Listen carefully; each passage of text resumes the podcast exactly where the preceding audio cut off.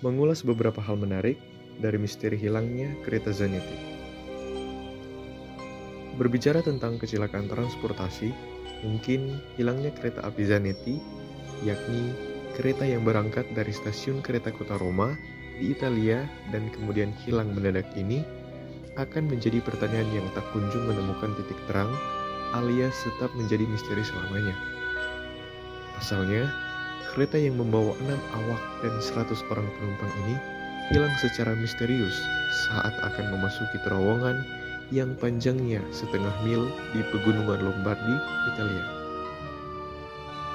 Kereta ini tak kunjung keluar ke ujung terowongan dan hilang begitu saja tanpa meninggalkan jejak apa pun untuk lebih mendalami misteri hilangnya kereta Zanetti, berikut hal-hal menarik seputar hilangnya kereta Zanetti.